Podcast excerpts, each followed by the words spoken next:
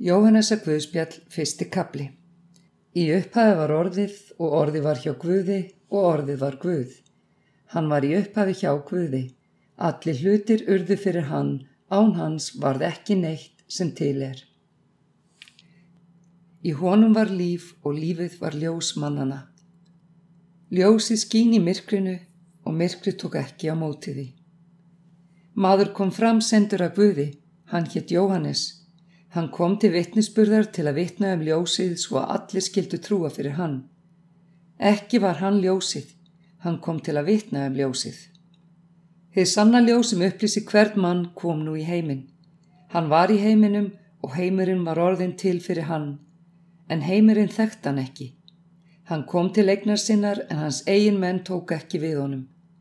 En öllum þeim sem tóku við honum gaf hann rétt til að verða Guðsbörn Þeim er trúa á nafn hans. Þeir eru ekki af blóði bornir, ekki af holdsvildni manns vilja, heldur af guði fættir. Og orðið varð hold, hann bjó með oss fullur náðar og sannleika og við sáum dýrð hans, dýrð sem sonurinn eini á frá föðurnum. Jóhannes vitnar um hann og hann hrópar, þetta er sá sem ég átti við þegar ég sagði, sá sem kemur eftir mig var á undan mér enda fyrri en ég. Af gnægðans höfum við allir þegir náð á náð ofan. Lögmáli var gefið fyrir Mósi en náðinn og sannleikurinn kom fyrir Jésu Krist. Engin hefur nokkun tíma séð Guð. Sónurinn eini, Guð, sem er í fað með föðurins, hann hefur byrtan. Þessi er vittnisspörður Jóhannesar þegar geðingar sendu til hans presta og levita frá Jérúsalem að spyrja hann, hver er þú? Hann svaraði útvírætt og hjátaði, Ekki er ég Kristur. Þeir spurða, hvað þá? Ertu Elíja? Hann svarar, ekki er ég hann. Ertu spámaðurinn? Hann hvað nei við. Þá sögður við hann, hver ertu? Við verðum að svara þeim er send oss. Hvað segir þú um sjálfan þig? Hann segir, ég er rött hrópanda í eðimörk. Gjörið beinan veg drottins eins og Jésaja spámaður segir. Sendir voru mennaflokki farisea þeir spurðan Hvers vegna skýrið þú fyrst þú ert hvorki Kristur eða en ég spámaðurinn? Jóhannes svaraði Ég skýri með vatni. Mitt á meðaliðar stendur sá sem þér þekkið ekki. Hann sem kemur eftir mig og skóðfeng hans er ég ekki verður að leysa. Þetta bar við í Betaníu handan Jórdanar þar sem Jóhannes var að skýra. Dæin eftir sér hann Jésu koma til sín og segir Sjá, Guðs lamp sem ber sinn teimsins, þar er sá er ég sagði um. Eftir mig kemur maður sem var á undan mér því hann er fyrri en ég. Sjálfur þekkti ég hann ekki. En til þess kom ég og skýri með vatni að hann ofinberist Ísrael. Og Jóhannes vitnaði. Ég sá andan koma af himni ofan eins og dúfu og hann nam staðar yfir honum. Sjálfur þekkti ég hann ekki En sá er sendi mig að skýra með vatni, sagði mér. Sá sem þú sérð andan koma yfir og nema staðar á, hann er sá sem skýrir með heilugum anda. Þetta sá ég og ég vitna að hann er sonur Guðs. Dæin eftir var Jóhannes þar aftur stattur og tveir lærisvinnar hans. Hann sér Jésu á gangi og segir, sjá Guðs lamp. Lærisvinnar hans tveir heyrðu orðans og fóru á eftir Jésu. Jésu snýri sér við og sá þá koma á eftir sér og sagði við þá, Hvers leitið þið? Þeir svara, Rabbi, það þýði mestari, hvar dvelst þú? Hann segir, komið og sjáið. Þeir komu og sáu hver hann dvaldist og voru hjá honum þann dag. Þetta var síðdegis. Annar þessar að tvekja sem heyrðu orð Jóhannesar og fóru á eftir Jésu var Andris, bróður Símona Pétus. Hann finnur fyrst bróður sinn Símon og segi við hann, við höfum fundið Messias. Messias týðir Kristur, hins mörði. Hann fór með hann til Jésu og Jésu horfi á hann og sagði Þú ert Símon Jóhannesson, þú skalt heita Kefas. Pétur, það þýði klettur. Næsta dag hugist Jésu fara til Galilegu. Hann heitti þá Filipus og sagði við hann Fylg þú mér. Filipus var frá Betsæitu, sömu borg og Andris og Pétur. Filipus fann Nathanael og sagði við hann Við erum fundið þann sem Móses skrifar um í lögmálinu og spámanitnir, Jésús frá Nazaret són Jósefs. Natanael segir, getur nokkuð gott komið frá Nazaret? Filipus svaraði, kom þú og sjá. Jésu sá Natanael koma til sín og sagði við hann, hér er sannur Ísraelíti sem engin svik er í. Natanael spyr, hvaðan þekkið þú mig? Jésu svarar, ég sá þig undir fíkitrénu áður en Filipus kallaði á þig.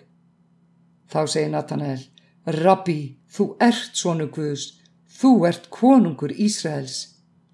Jésu spyr hann, trúur þú að því að ég sagði við því ég sá þig undir fíkitrénu?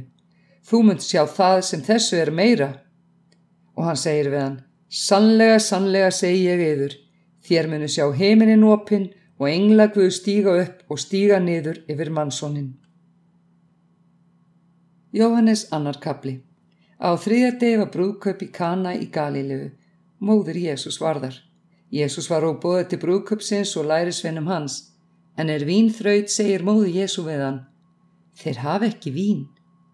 Jésús svarar, hvað varðar það mig og þig kona, minn tími er ekki enn komin.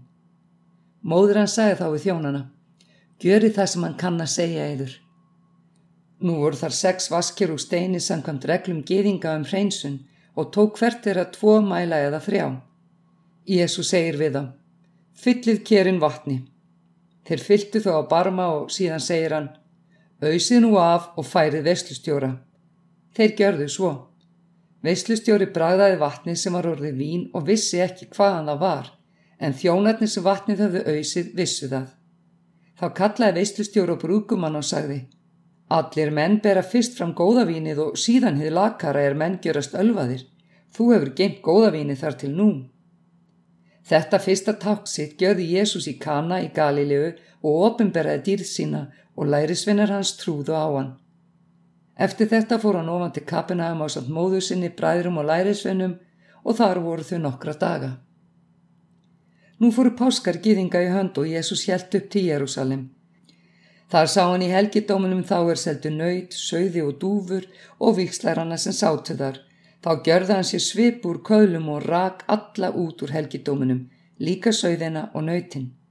Hann steifti niður peningum vikslar hana og hrattum borðum þeirra og við dúbnasalana sagðan Burt með þetta hérðan, gjörið ekki hús föðu míns að sölubúð. Lærisveinum hans kom í hugað reytað er, vandlæting vegna hústíns mun tæra mig upp. Gýðingar sögðu þá við hann, hvaða tátt getur þú sínt oss um það að þú meir gera þetta? Jésús svaraði þeim, brjóti þetta musteri og ég skal reysa það á þrem dögum. Þá sögðu gýðingar, Þetta musteri hefur verið 46 ári í smíðum og, og þú ætlar að reysa það á þrejum dögum. En hann var að tala um musteri líkama síns. Þegar hann var reysinu frá döðum myndust lærisvennar hans að hann hafði sagt þetta og trúði reytningunni og orðinu sem Jésu hafði talað. Meðan hann var í Jérúsalem á páskaháttíðinni fóru margir að trúa nafnans því þeir sáðu tákt sem hann gerði. En Jésús gaf þeim ekki trúnað sinn því hann þekkti alla Hann þurfti þess ekki að neitt bæri öðrum manni vittni. Hann vissi sjálfur hvað í manni býr. Jóhannes þriði kapli Maður hétt Nikodemus að flokki farið segja ráðsherra meðal geðinga. Hann kom til Jésu um nótt og sagði við hann Rabbi, við er vitum að þú ert lærifaður komin frá Guði. Engin getur gjört þessi takk sem þú gjörir nema Guð sé með honum. Jésu svarar honum Sannlega, sannlega segi ég þér, enginn getur séð Guðsríki nema fæðist að nýju. Nikotemi segir við hann, hvernig getum að fæðist þegar hann er orðin gamal? Skild hann geta komist aftur í líf móður sinnar og fæðist? Jésu svaraði, sannlega, sannlega segi ég þér, enginn getur komist inn í Guðsríki nema fæðist af vatni og anda. Það sem af holdinu fæðist er hold, en það sem af andanu fæðist er andi.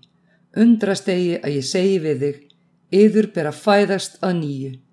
Vindurinn blæst þar sem hann vill og þú heyrir þitt hans, samt veistu ekki hvaðan hann kemur, niður hvert hann fer.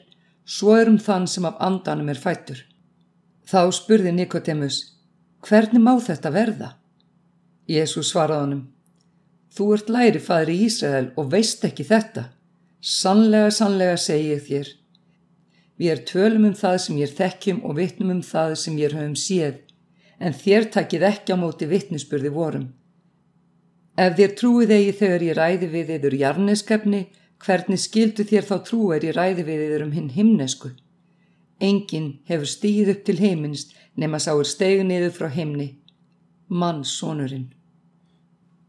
Og eins og Móse hóf pöggormin í eigðumörkinni, þannig á mannsónurinn að verða upphafinn, svo hver sem trúir hafi eilíft lífi honum. Því svo elskaði Guð heiminn að hann gaf són sinn eingetinn, til þess að hver sem á hann trúir glatist ekki heldur hafa eilíft líf. Guð sendi ekki sónin í heiminn til að dæma heiminn, heldur að heimurinn skildi frelsast fyrir hann. Sá sem trúir á hann dæmist ekki, sá sem trúir ekki er þegar dæmdur því að hann hefur ekki trúað að nafn Guð sonarins eina. En þessi er dómurinn, ljósið er komið í heiminn en menn elskuðu myrkri fremur en ljósið, því að verk þeirra voru vond. Hver sem ílt görir hatar ljósið og kemur ekki til ljósins, svo að verkans verði ekki uppvís. En sá sem yfkar sannleikan kemur til ljósins svo að augljóst verði að verkans er í Guði gjörð. Eftir þetta fór Jésús og lærisvinnar hans út í útegu hér að. Þar dvaldist hann með þeim og skýrði. Jóhannes var líka að skýra í æin og nálagt salim en þar var mikið vatn. Menn komið ángað og letu skýrast. Þá var ekki enn búið að varpa Jóhannes í fangelsi. Nú var deila um hreinsun millir lærisvenna Jóhannesar og geðingseins. Þeir komið til Jóhannesar og sögðu við hann. Rabbi sá sem var hjá þér handan við Jórdan og þú barst vitnu um, hann er að skýra og allir koma til hans. Jóhannes svaraði þeim. Engin getur tekið neitt nema hún sé gefið það af himni. Þér getur sjálfur vitnað um að ég sagði, ég er ekki Kristur, heldur er ég sendur á undan honum. Sá er brúkuminn sem á brúðina, en vinur brúkuma sem stendur hjá og hlýðir á hann gleðst mjög við rött hans. Þessi gleð er nú mín að fullu. Hann á að vaksa, en ég að minka. Sá sem kemur ofan er yfir öllum, sá sem er af jörðu, hann er af jörðu og talar af jörðu.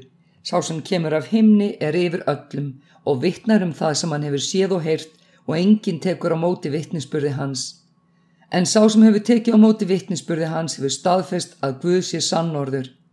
Sá sem Guð sendi talar Guðs orð því ómælt gefur Guð andan. Fadurinn elskar sónin og hefur lagt allt í hönd honum. Sá sem trúur á sónin hefur eilíft líf, en sá sem óhlýna sininum mun ekki sjá líf heldur var í reyði Guðs yfir honum. Jóhannes fjörðikabli Er Jésús varðið svís að farisjar hefðu heyrt að hann fengi fleiri lærisveina og skýrði fleiri en Jóhannes, reyndar skýrði Jésús ekki sjálfur heldur lærisveinar hans, þá kvarf hann brottur í útegu og hjælt aftur til Galilegu. Hann varð að fara um Samaríu og nú kemur hann til borgar í Samaríu er síkar heitir, nálegt þeirri landsbyldu sem Jakob gaf Jósef síni sínum. Þar var Jakobsbrunnur og Jésús var vegmóður og settist hann þarna við brunnin. Þetta var um hátegispill. Samvegs kona kemur að sækja vatn. Jésús segi við hana, gef mér að drekka. En lærisvinnar hans hafði farið inn í borgin að kaupa vistir.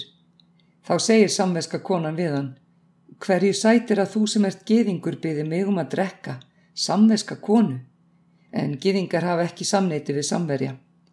Jésu svaraði henni, ef þú þekktir gjöf Guðs og vissir hver sá er sem segir við þig, gef mér að drekka, þá myndir þú byggja hann og hann gefi þér lifandi vatn.